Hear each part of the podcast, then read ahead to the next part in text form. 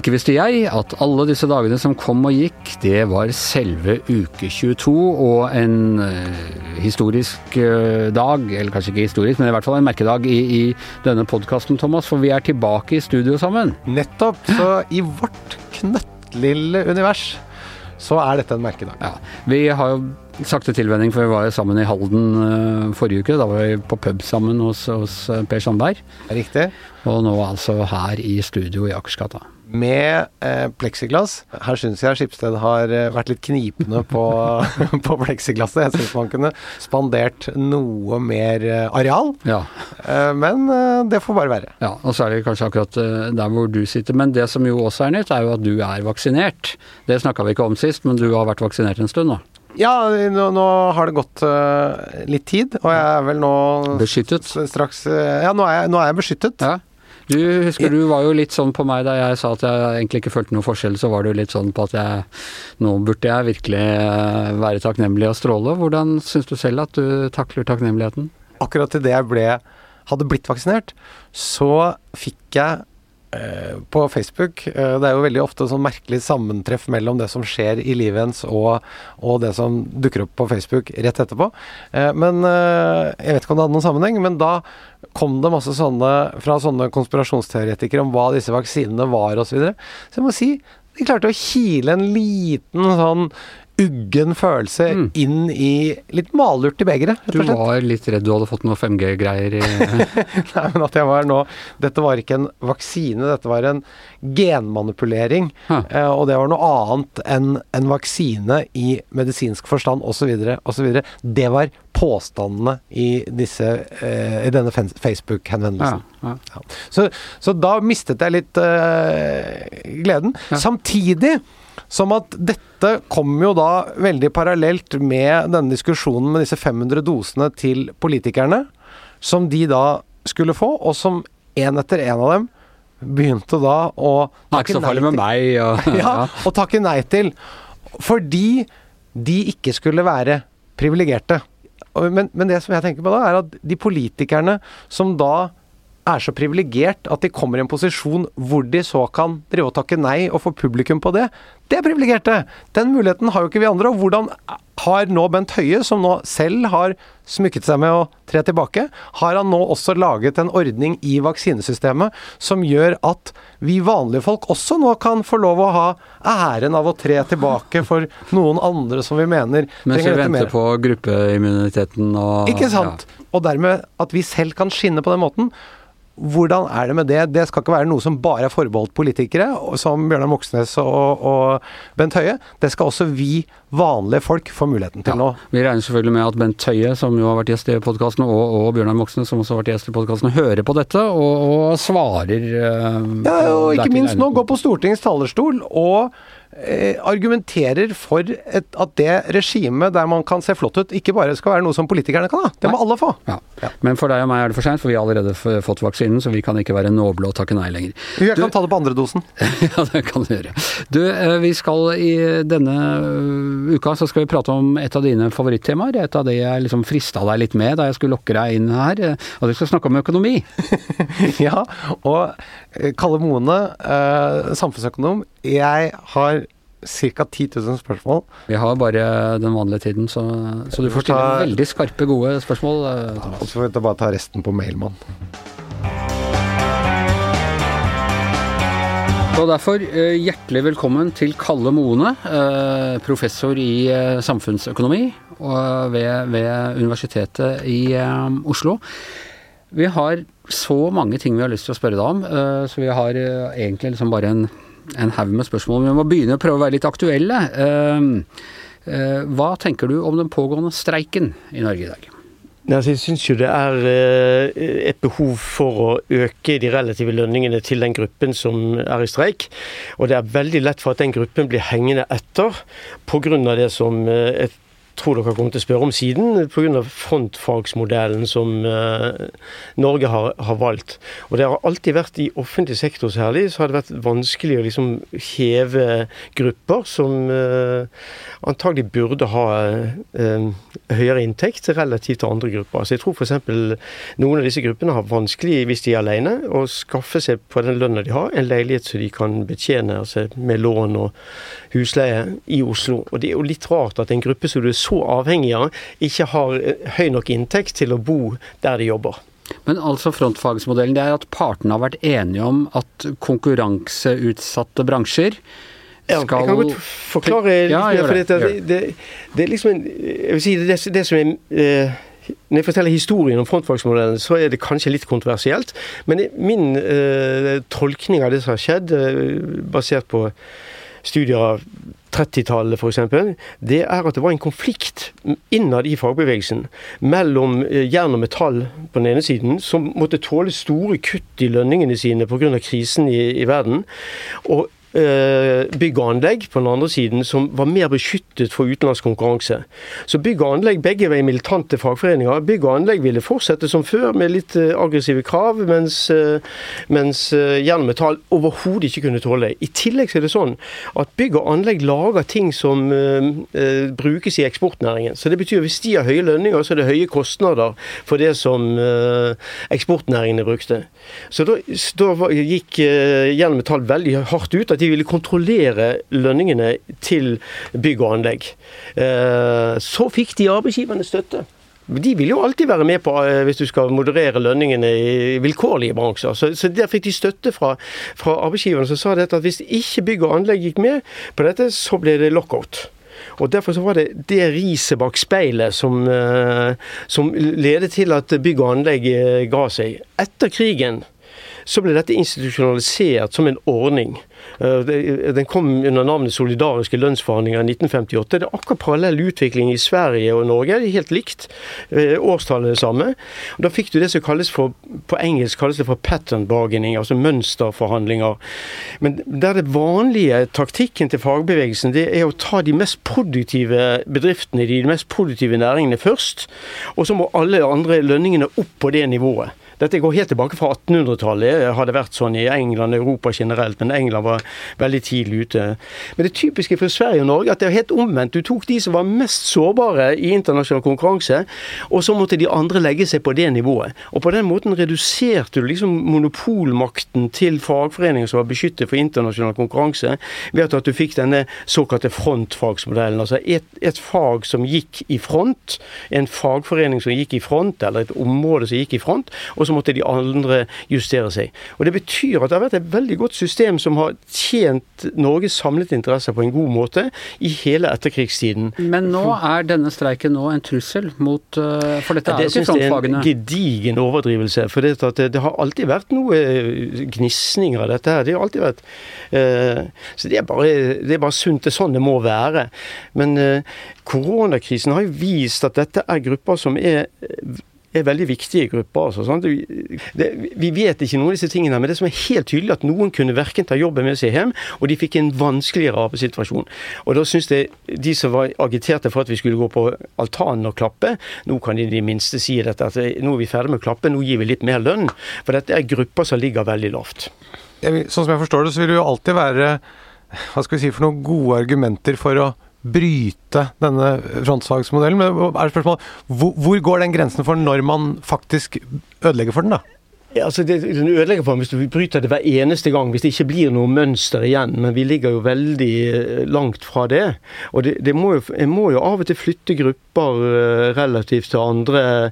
F.eks. hvis det er veldig knapphet på en type uh, arbeidskraft, og du får ikke rekruttering til den type uh, yrker, så, så må en jo kanskje tenke seg om det vil være i LOs samlede interesser f.eks., eller i, i, hele det norske samfunnets samlede interesser, at en får rekruttering til slike yrker.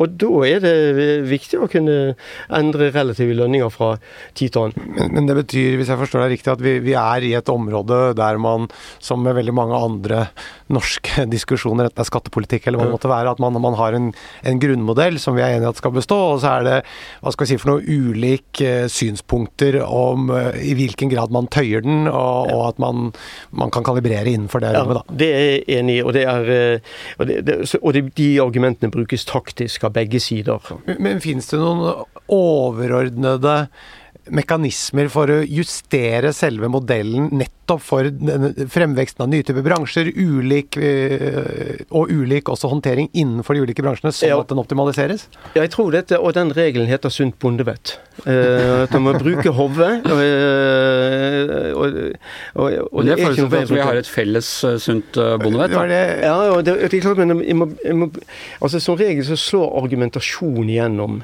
Og, og Har en en god argumentasjon, så, så, vil en vinne gehør for det. Selv om en kanskje ikke med en gang får en applaus, så vil en god argumentasjon slå igjennom. Sånn, det tror i hvert fall jeg på. Jeg er optimistisk på det området. Men hvis en har en veldig dogmatisk begrunnelse, eller en regel, regelstyrt begrunnelse, at, det, at, det, at siden vi har regelen, så må vi følge den, da tror jeg en, en vinner lite gehør for det. Og det er klart at, at dette er en frivillig ordning. Det er ikke, noe, det er ikke lovregulert. Dette er en frivillig ordning som fagforeninger og arbeidsgivere frivillig innretter seg i tråd med. Det, så det er en frivillighetsprinsipp her, og det betyr at en må ha en god begrunnelse. Nettopp, så det er ikke noe, er ikke noe regulatorisk her, Nei. egentlig? Nei. Det har skapt de minste lønnsforskjellene i verden. Det er, også I den grad en verdsetter uh, likhet, og dette betyr likhet ikke nødvendigvis inntektslikhet på tvers av alle grupper, men det er likhet innenfor hva skal jeg si, arbeidsstyrken, eller som er 80-90% av, av befolkningen. Og Det betyr at det er mange andre gode ting som følger av det. F.eks. at en har felles behov, en har samme Obos-leiligheten, en går på samme skole. Det er mange ting som andre All slags sosiale innlåsingseffekter i andre land der det var større forskjeller. Så en må liksom huske at det er, det er noen store gevinster ved dette, i den grad en liker likhet. Du, Det er interessant at du sier det. Vi har nå uh, vi har hatt de fleste partiledere her i dette studio. Vi har altså nå gått gjennom de fleste uh, partiprogrammene og uttalelser om ulikhet.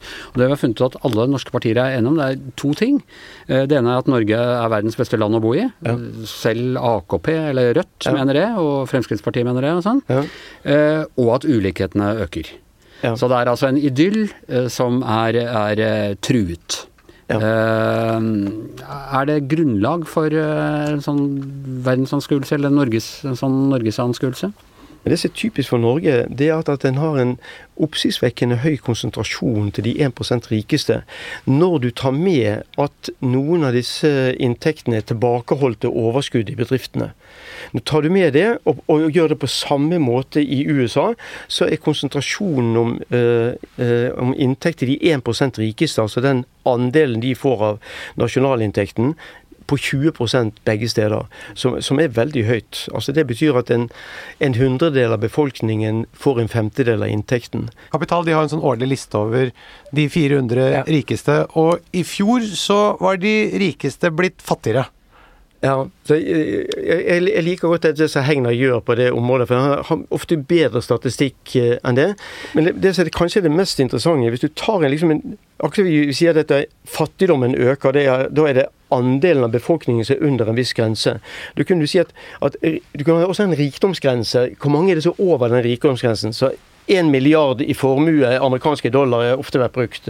Forbes indeks bruker det. Da er det oppsiktsvekkende nok eh, en høyere andel relativt til befolkningen, selvfølgelig, eh, som er milliardærer i den forstand i Norge enn i USA. Hva er den beste medisinen mot ulikhet? Er det skatt? Det aller viktigste jeg må, jeg må, altså, Skatt er et slags virkemiddel, så du må jo ha oppslutning om den skatten. Også, så det, det, det, det er liksom en men hvis, hvis, hvis, jeg skulle, si, hvis jeg skulle si ett ord, så vil jeg ja. si sosial organisering. At det liksom er, Å ha liksom en sosial organisering som passer på disse tingene, som f.eks. Eh, fagbevegelsen har vært. Du ser land uten en sterk fagbevegelse som, som kan heve stemmen når det går galt noen steder. Det, de er, der er mekanismene som bremser ulikhet uh, uh, mye mindre effektive. Uh, så, så, jeg vil si det med ett ord. Det er klart skattepolitikk er viktig. Omfordeling innad i arbeidsstyrken arbeidsstyrken. Da er jo lønnsfastsettelsen helt åpenbart viktig. der, Hvis jeg forstår det riktig, så er det jo da f.eks. den trepartsmodellen som egentlig er et viktigere Eh, instrument å ivareta den enn eh, enkelte skattegrep. Hva trepartsmodellen er på. Jeg, jeg kan si likevel at trepartsfordelingen er for noe hvis eh, ja, ja, ja, Jeg har ikke helt meningen å ta ordet fra deg. Altså. Nei, det er du, jeg, jeg bare spør, jeg. Du, altså, du forklarer. Normalt er det sånn at å ha et trepartssamarbeid i betydning av arbeidsgiverne den ene parten, eh, fagbevegelsen den andre parten, og tredjeparten er da staten. Trepartssamarbeidet, er det Viktigere si, enn f.eks. Jeg vil si samarbeidet med to av partene er det viktigste, men, ja. Eh, men en tredje part er viktig for å holde rammevilkårene. Hvis, hvis en skal en, eh, ha en politikk som øker sysselsettingen, så må ikke dette tyte ut i økte lønninger til de som har jobb, hvis hensikten med politikken er å skape flere jobber.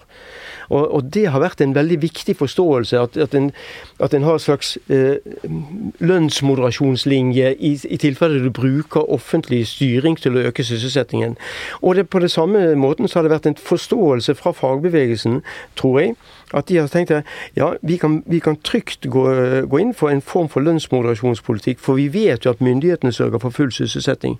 Så det, det er en slags gjensidig gaveutveksling som har vært stabiliserende på, på hele etterkrigstidens uh, uh, arbeidsmarkedspolitikk. Og i den forstand virker trepartisamarbeidet riktig. Også, altså, så det var ulikhet. Uh, må, må snakke også om truslene, da, som alle ja. partiene ser ut til å være opptatt av. Og, og, hvert fjerde år så legger regjeringen fram det som heter eh, perspektivmeldingen. Ja.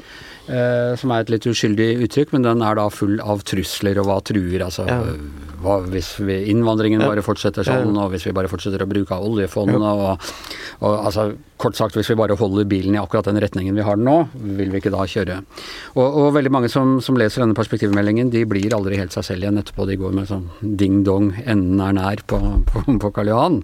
Um, og Hvilken funksjon mener du at denne perspektivmeldingen tjener i norsk offentlighet? Er den bare en boogieman, eller er det, burde vi være mer opptatt av de truslene som skisseres opp der? Det siste skal jeg ikke si noe om, men den rollen det spiller, og er tenkt å spille, det er det samme som de tekniske beregningsutvalgene. At en får en delt oppfatning av det som er mulighetene, og det som er f.eks. mulige trusler eh, framover. Dette er jo eh, dette er meldinger som er skrevet med politisk eh, innspill, men skrevet av byråkrater.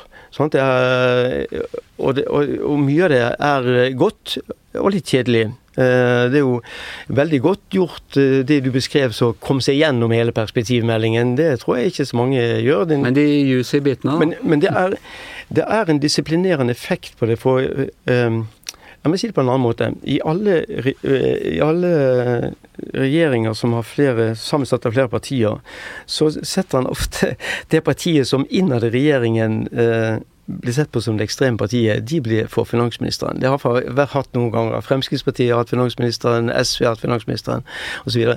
Det er en veldig Altså, her utsetter du det for uh, gutta boys. Altså, sant? Dette er folk som har vært i Finansdepartementet lang tid. De, uh, mange av de har vært flinke på skolen.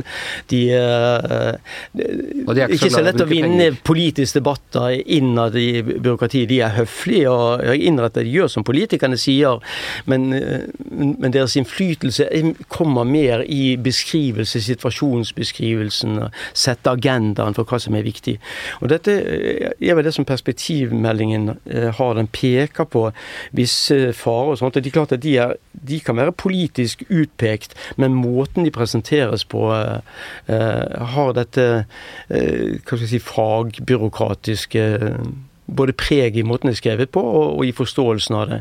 Så det, du, Hvis du skal lese perspektivmeldingen, så skal du ikke lese etter altså, Det er ikke stedet for institusjonell oppfinnsomhet. Det, hva, hva legger du i institusjonell oppfinnsomhet? Altså? altså det at du skal finne på nye måter du skal gjøre tingene på. Det, det prøves ikke ut i perspektivmeldingen. Det, en sier mer hvis vi ikke, gjør, hvis vi ikke retter på dette, vi, vi får en skjev alderssammensetning i befolkningen, da må vi liksom, kan vi ikke ha for sjenerøse velferdsstatsordninger. for det det blir tungvint å skattle, eller det blir upopulært å skattlegge befolkningen så mye for å overføre ressurser til de eldre. Så. Har du inntrykk av at den har den effekten? Sånn? En del av ting skjer jo i Dagsnytt 18. Eh, der kan du bruke et argument. Ja, perspektivmeldingen sier sånn og sånn. Da er det veldig vanskelig for Senterpartiet å si at, at det gir de søren i. Det er, det er, veldig vanskelig. Du må, du må ha en annen, en annen, form for uh, retorikk. Så det, det, har en tyngde i den forstand, uh, vil jeg si. Men uh, altså en ting som da stadig tas opp, som jeg nevnte i stad, er jo da innvandring. ikke sant? Ja. Det har blitt mer og mer, og ja. mer del av debatten. Og ja. hvor er grensen for bærekraft på integrering og, og alt dette. Ser du innvandring som en mulig trussel mot, uh, mot den norske modellen? Uh, ikke på lang sikt, vil jeg, vil jeg, si. Altså, jeg er mye mer optimistisk på det området enn vil jeg si da, som en unnskyldning for at jeg ikke At jeg er mer optimistisk på dette. Jeg syns også det, det, det, er noe usjarmerende med folk som har sånn veldig sterk eiendomsrett til geografiske grenser. Eh, i, i, bygg og anlegg så var det en stor eh, innover, eh, innvandring av polske eh, arbeidere. I begynnelsen så var det et problem ikke fordi at polakkene var flotte folk, det det var, ikke noe galt med de. Det som var problemet, var at de jobbet under andre vilkår. under andre, De hadde andre, ofte hadde de andre arbeidsgivere. Eh, og det skapte i seg sjøl konflikter. Så du kan bare gå på byggeplasser i, i Norge nå. Sånn de, De skiller mellom det som de kaller for pekere, og, og folk som er ikke-pekere. Peker det er en som må få pekt ut det vedkommende skal gjøre. Og hvis ingen står og peker, så gjør han. Det er veldig ofte en han så gjør han ingenting. Men Sånn var et, uh, arbeidsnormen i Polen, og de tok selvfølgelig de med seg når de kom hit. Men etter hvert så lærer de jo I Norge er det jo mye mer autonomi i, arbeidsprosessen. Du trenger ikke ha noen som peker ut arbeidsoppgavene. Og Det er klart at det lærer jo polakken, akkurat som vi andre har lært uh, dette en gang. Så etter, etter en tid så, så går dette seg til. Men i begynnelsen var det konflikt. Det som har vært LO sin rolle, og de store fagforeningene generelt sin rolle, det er å forsøke å og, å, få de inn på de tradisjonelle arbeidskontraktene. Men hvordan skal vi, når, når eh, alle som kommer her får de samme rettighetene og sosiale ja. godene og sånne ting, hvordan skal vi få plukka jordbærene? Vi kan jo ikke ha et system der vi he hele tiden satser på en næring, i dette tilfellet jordbær, som er slik at vi er nødt til å ha land som er tilstrekkelig fattige, som har tilstrekkelig utsatte grupper, sånn at vi får spist jordbær. Det, alle skjønner at det går ikke an. Veldig mye av vårt forbruk baserer seg på at det er fattige fattige land som produserer det forbruket som vi De gjør det bare ikke her? Jeg tror det store problemet på akkurat dette området er at det er billig å transportere, ikke at det er billig å produsere. At det er altfor billig med lang, langtransporter. Der er det kjempesvære eh, miljøproblemer knyttet til det. det. Der burde det komme inn, mer enn å begynne å snakke om forbud mot internasjonal handel. Altså, Forurenseren skal betale, så derfor så bør den langtransporten av f.eks. mat eh, være mer kostbar enn Hvor stort handel handlingsrom har vi egentlig i Norge til å regulere disse tingene, og i hvor stor grad er vi egentlig en del av et internasjonalt system? Hvis det f.eks. er sånn at skattene er veldig mye lavere i land rundt oss, i Europa, i mm. USA osv., i hvilken grad kan Norge da ubegrenset heve eh, skatter, f.eks. Ja, ja. Du kan jo si Det grunnleggende problemet kan vi ha en annen fordeling av inntekt mellom individer i Norge enn de har i resten av Europa. Og svaret er ja. Det har vi hatt i hele etterkrigstiden. Mm. Så, men hvor, så, hvor stor liksom, det, det vet, Jeg tror ingen helt vet det. Men vi sa jo alltid dette at hvis den økte altså, Hvis du er ingeniør, så kan du reise til Tyskland og tjene 50-60% mer med en gang. Eh, men hvorfor reiser ikke alle norske ingeniører til Tyskland? Det kan jo være at de liker seg i Norge. Eh, eller at det er andre ting som binder de. Så Derfor så er det ikke, det er ikke en direkte arbitrasje, som det heter på nynorsk, eh, i, i arbeidsmarkedet. La meg si det på en helt annen måte. Det har vært fri mobilitet innad i EU ganske lenge. Men i Portugal tjener bygg og anlegg mye, mye mindre enn i Danmark. Og de har kunnet reise til Danmark så lenge de har villet, de har ikke gjort det. Så det, det betyr at det er det er antagelig ikke uendelig av slakk her, men det er noe slakk til å gjøre som en vil. Og, og det er også slakk i skattepolitikken. Ja, og, og, som jeg tror personlig, som du nevner også, at det er mange andre gode grunner for ja, ja. å holde seg i Norge. Så sånn sett så burde man jo kanskje også gode været, blant annet. jo, men, jo, men se bare også hvordan det har vært å være under korona, f.eks. i Norge.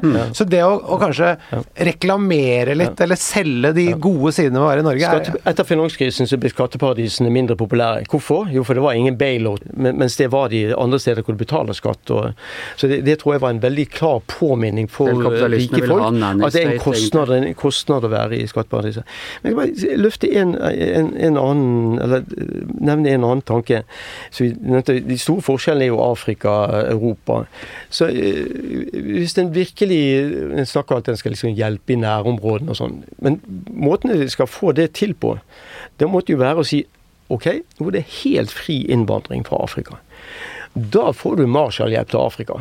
Ikke fordi at den er så veldig snill, men fordi den ønsker ikke den konsekvensen som fri immigrasjon vil være. Så hvis du kunne forplikte det internasjonalt til å si at ja, det er åpne grenser, eh, da får du et Marshall-program som vi nøt godt av i, i, etter andre verdenskrig. Eh, så nå kan Afrika kan Altså et, en, en, investering i Ja, veldig investering i, infrastruktur, i, både i infrastruktur og, og muligheter. Eh, og, og, og etablering av utenlandske bedrifter i vi altså fikk fra USA, da. Men, men og da, da, kommer egentlig det enkle spørsmålet. Da. Hvis, vi, hvis vi sier det, og så ser på det norske samfunnet som en eh, modell som har en matematikk som skal gå opp. Ja. Og, og, hvis man da sier at man slipper fri innvandringen helt, ja. vil denne modellen da kunne bestå slik den er, eller vil den måtte tåle radikale endringer? Men tåle radikale endringer på kort sikt hvis dette skjedde, det, det sier seg sjøl. Ja. Altså, alle sånne ting er jo ofte misforstått. F.eks. det er jo å hjelpe de fattigste i verden. Det vil være en bonus for landet å ha mange fattige, så da vil jeg jo ikke gjøre noe med de sjøl. Så da må du gjøre, gjøre, det litt smartere. Du må si det Jeg skal hjelpe de landene i verden som er fattige, men som har den største reduksjonen i fattigdom ved hjelp av egen politikk. De landene skal hjelpe. Da gir du både en, en, en da får vi for det første en kanalisering av politikken i retning av de, de fattigste interesser. I tillegg vet den regjeringen som gjør det, at de får ressurser utenifra. I tillegg, nettopp fordi de gjør dette, disse tingene. Så det, det har vært altfor mye i, i u-landsmiljøet i, i, Norge så var det altfor mye skepsis til kondisjonalitet. For det, det er altså at du skal ha betingelser på politikken for å få hjelp. Men det er fordi at de, de betingelsene har vært dårlige. Men det er jo lett å lage betingelser som er gode. Men hvis vi da eh, snakker om den, likhet, nei, den, ulikheten som vi da har i Norge, som er da ja. mellom disse aller rikeste og eh, resten, ja. hvordan tenker du Hva er det beste instrumentet for å utjevne den, eller for å, for å uh, motvirke det?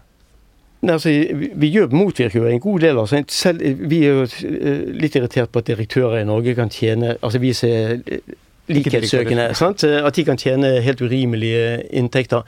Men deres inntekter er jo 20 eh, av, eh, av, av tilsvarende direktører i USA. Så der er jo maktmisbruk. Eh, dette er jo tyveri. Sant? Ja. Jeg tenker på den kapitalopphopningen. Så er det jo å bruke av og til økonomisk politikk på en litt annen måte. Ta, ta koronakrisen, de støttetiltakene som næringslivet fikk. Det er jo helt vanvittig. Så en, en ga mye til noen få bedrifter det, Vi trenger ikke være motstandere av at de skulle gjøre det, men å redde en bedrift betyr ikke å redde de nåværende kapitaleierne. Redde bedriftene betyr å redde hotellet, det betyr å redde det miljøet som er på hotellet, at dette er et godt produkt. Men, men Så de skal være det. Så det skal, ikke, det skal ikke utraderes. En konkurs betyr en straff for eierne, betyr ikke nødvendigvis en straff for hotellet. Eh, så en, en, en kunne gjort følgende. En kunne si at ok, her skal vi ha de og de milliardene som går til støttetiltak, for du mister inntekter. Men dette skal da motsvares av at disse eierrettighetene som disse pengene representerer, skal deles mer likt.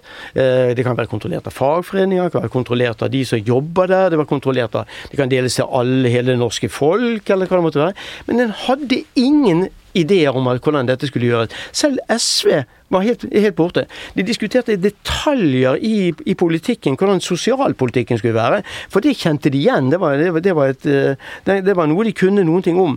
Men disse tingene her, og det var fordi den ikke var diskutert på forhånd. Du må ha en løpende diskusjon om dette. Og det er, det er ikke urimelig å tenke at når samfunnet virkelig stiller opp og redder de ut av koronakrisen, ja, så kunne det eierskapet spres mer som en konsekvens av dette. De kunne gjøre hva de vil, de kunne selge det etterpå, etterpå hvis de ville. Eller eller det kunne være bindinger på det. Det var mange muligheter for å gjøre dette. Men ingen ble brukt. Og Det vil være min kritikk av f.eks. sosialdemokratiet. At det var en fantasiløshet som du aldri har sett før i forbindelse med koronakrisen. Og Det var, liksom, var om å gjøre å redde de eksisterende kapitaleierne, som aldri har vært politikken tidligere. De kasta bort eh, mulighetene en krise gir, slett. Ja, sant? ingen skal liksom la en god krise jeg skal aldri la en god krise gå fra seg. Men det, det, typiske i kriser har jo vært det motsatte. Det må, det må vi jo ikke glemme. det. Altså, krisen på 30-tallet var eh, autoritært styre som kom i veldig mange land. Ja. Altså fascismen i Europa, eh, veldig autoritært styre i hele Latin-Amerika. Du, du, hadde en interessant kronikk i ideen om Uh, om um, Hva var det du kalte det? Fascistisk kapitalisme. Ja. Vi har vært mye snakk om kapitalistisk ja. uh, sosialisme nå en stund, men uh, Ja, altså, det er jo jeg syns å se eh, trekk på det. Dette, dette er trist og, og, og, leit å se. For det, det, fascistisk kapitalisme det er liksom å stole veldig på markedet uten å gi folk rettigheter. Rett til å organisere seg, rett til like muligheter og sånn. Da får du det fascistiske elementet, eller retten til å skifte regjering, eller gjøre det vanskeligere å skifte regjering. Alle de tingene er fascistiske elementer, sånn som jeg ser det. Eh, hvis du holder Kina utenfor, sin, de har en litt annen forhistorie. Det som skjer i India er veldig skremmende. Altså Modi kjører veldig eh, hindunasjonalisme. Det er eh, veldig få rettigheter på muslimer, f.eks. Mye med vold lokalt mot muslimer. Eh, som har fascistiske trekk. og Det er det grunn til å minne om begrepet fascistisk kapitalisme kom fra Latin-Amerika under militærdiktaturene. Pinochet, Brasil osv. Er dette en større trussel enn en, en sosialistisk kapitalisme som vi har i Kina? som jo ja, altså, jeg vil si at dette gir slekt, de to. Jeg vil, jeg vil ikke kalle sosialistisk kapitalisme i, i Kina. Jeg syns det er jo ganske autoritært. Altså, jeg vil reservere ordet sosialisme for økt folkelig innflytelse, og det går jo gal vei i Kina. Det er jo mindre og mindre folkelig innflytelse. Knagger ikke de det på, på velstandsøkning for massene, og at det ja. er noe de har lykkes med? og det derfor... sa jo også fascistene. Eh, ja. sånn at ikke, jeg vil ikke sette likhetstegn mellom det. Det er forskjeller her. Også. At det er kapitalisme kan ikke herske tvil om, altså, i, både i Kina og i, i India. Eh, og det har jo noen gode resultater. Det må jeg ikke misforstå meg. Altså, en økning i levestandarden, materiell levestandard for store deler av av den kinesiske befolkningen, som, som, på en måte er imponerende. Men, men det, det, det, kommer på en, en, måte som er autoritær. Det kommer på en måte som er veldig disiplinerende overfor grupper. Vi vet ikke alt om de tingene. Det er veldig mange ting som er lukket i vi, vi, vi, ser liksom velstandsøkningen i byene f.eks. i Kina, men det, det, er jo mange steder på landsbygda så er det jo eh, f.eks. bare menn. Uh, hvorfor er det bare menn? Jo, for pga. enbarnspolitikken så er det mangel på, uh, på jenter. Uh, preferanse for gutter. og Mangel av jenter i byen, så jentene blir sendt inn til byen. De kan gifte seg opp i det sosiale hierarkiet. På landsbygda er det utdannet mannlig arbeidskraft uten rettigheter. Det er en oppskrift på opprør uten sex. De får ikke noen ting. De får ikke damer, ikke, ikke god lønn, ikke materielle gode forhold.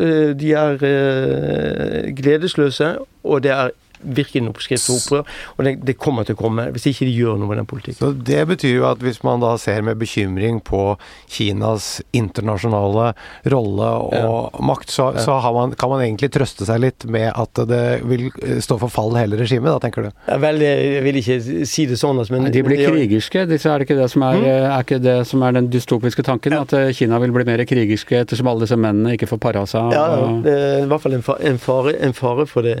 Men et internt opp opprør vil jo svekke dem. I, ja, ja. Det, det, det, har jo vært i andre deler av verden, så har jo demokrati kommet med økende inntekt.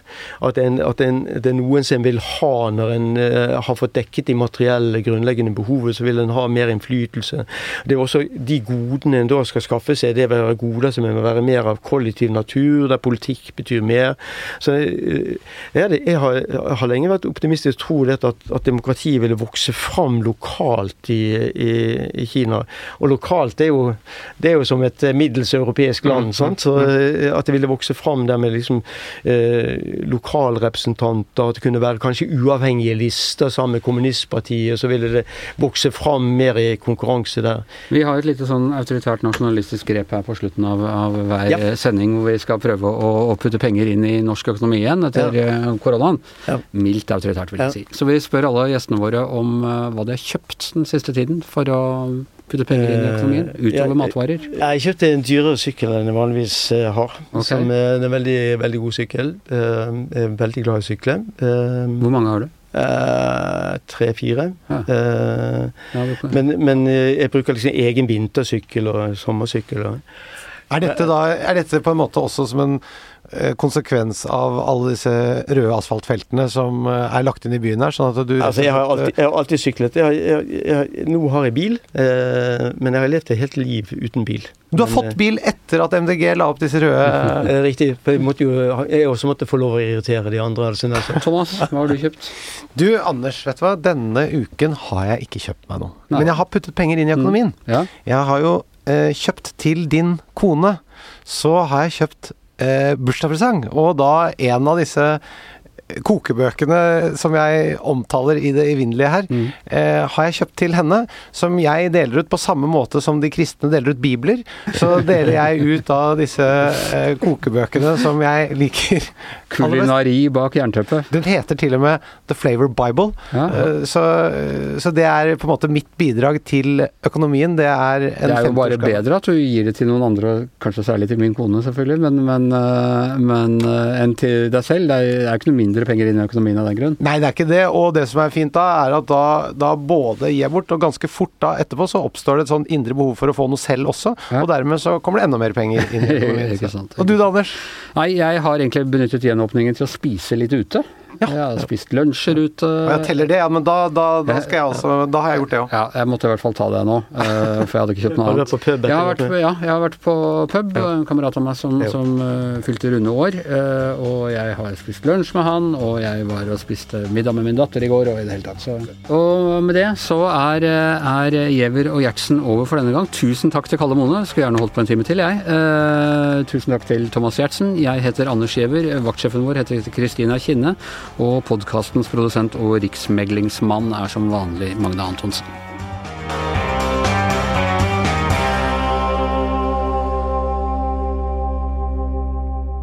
Du har hørt en podkast fra VG.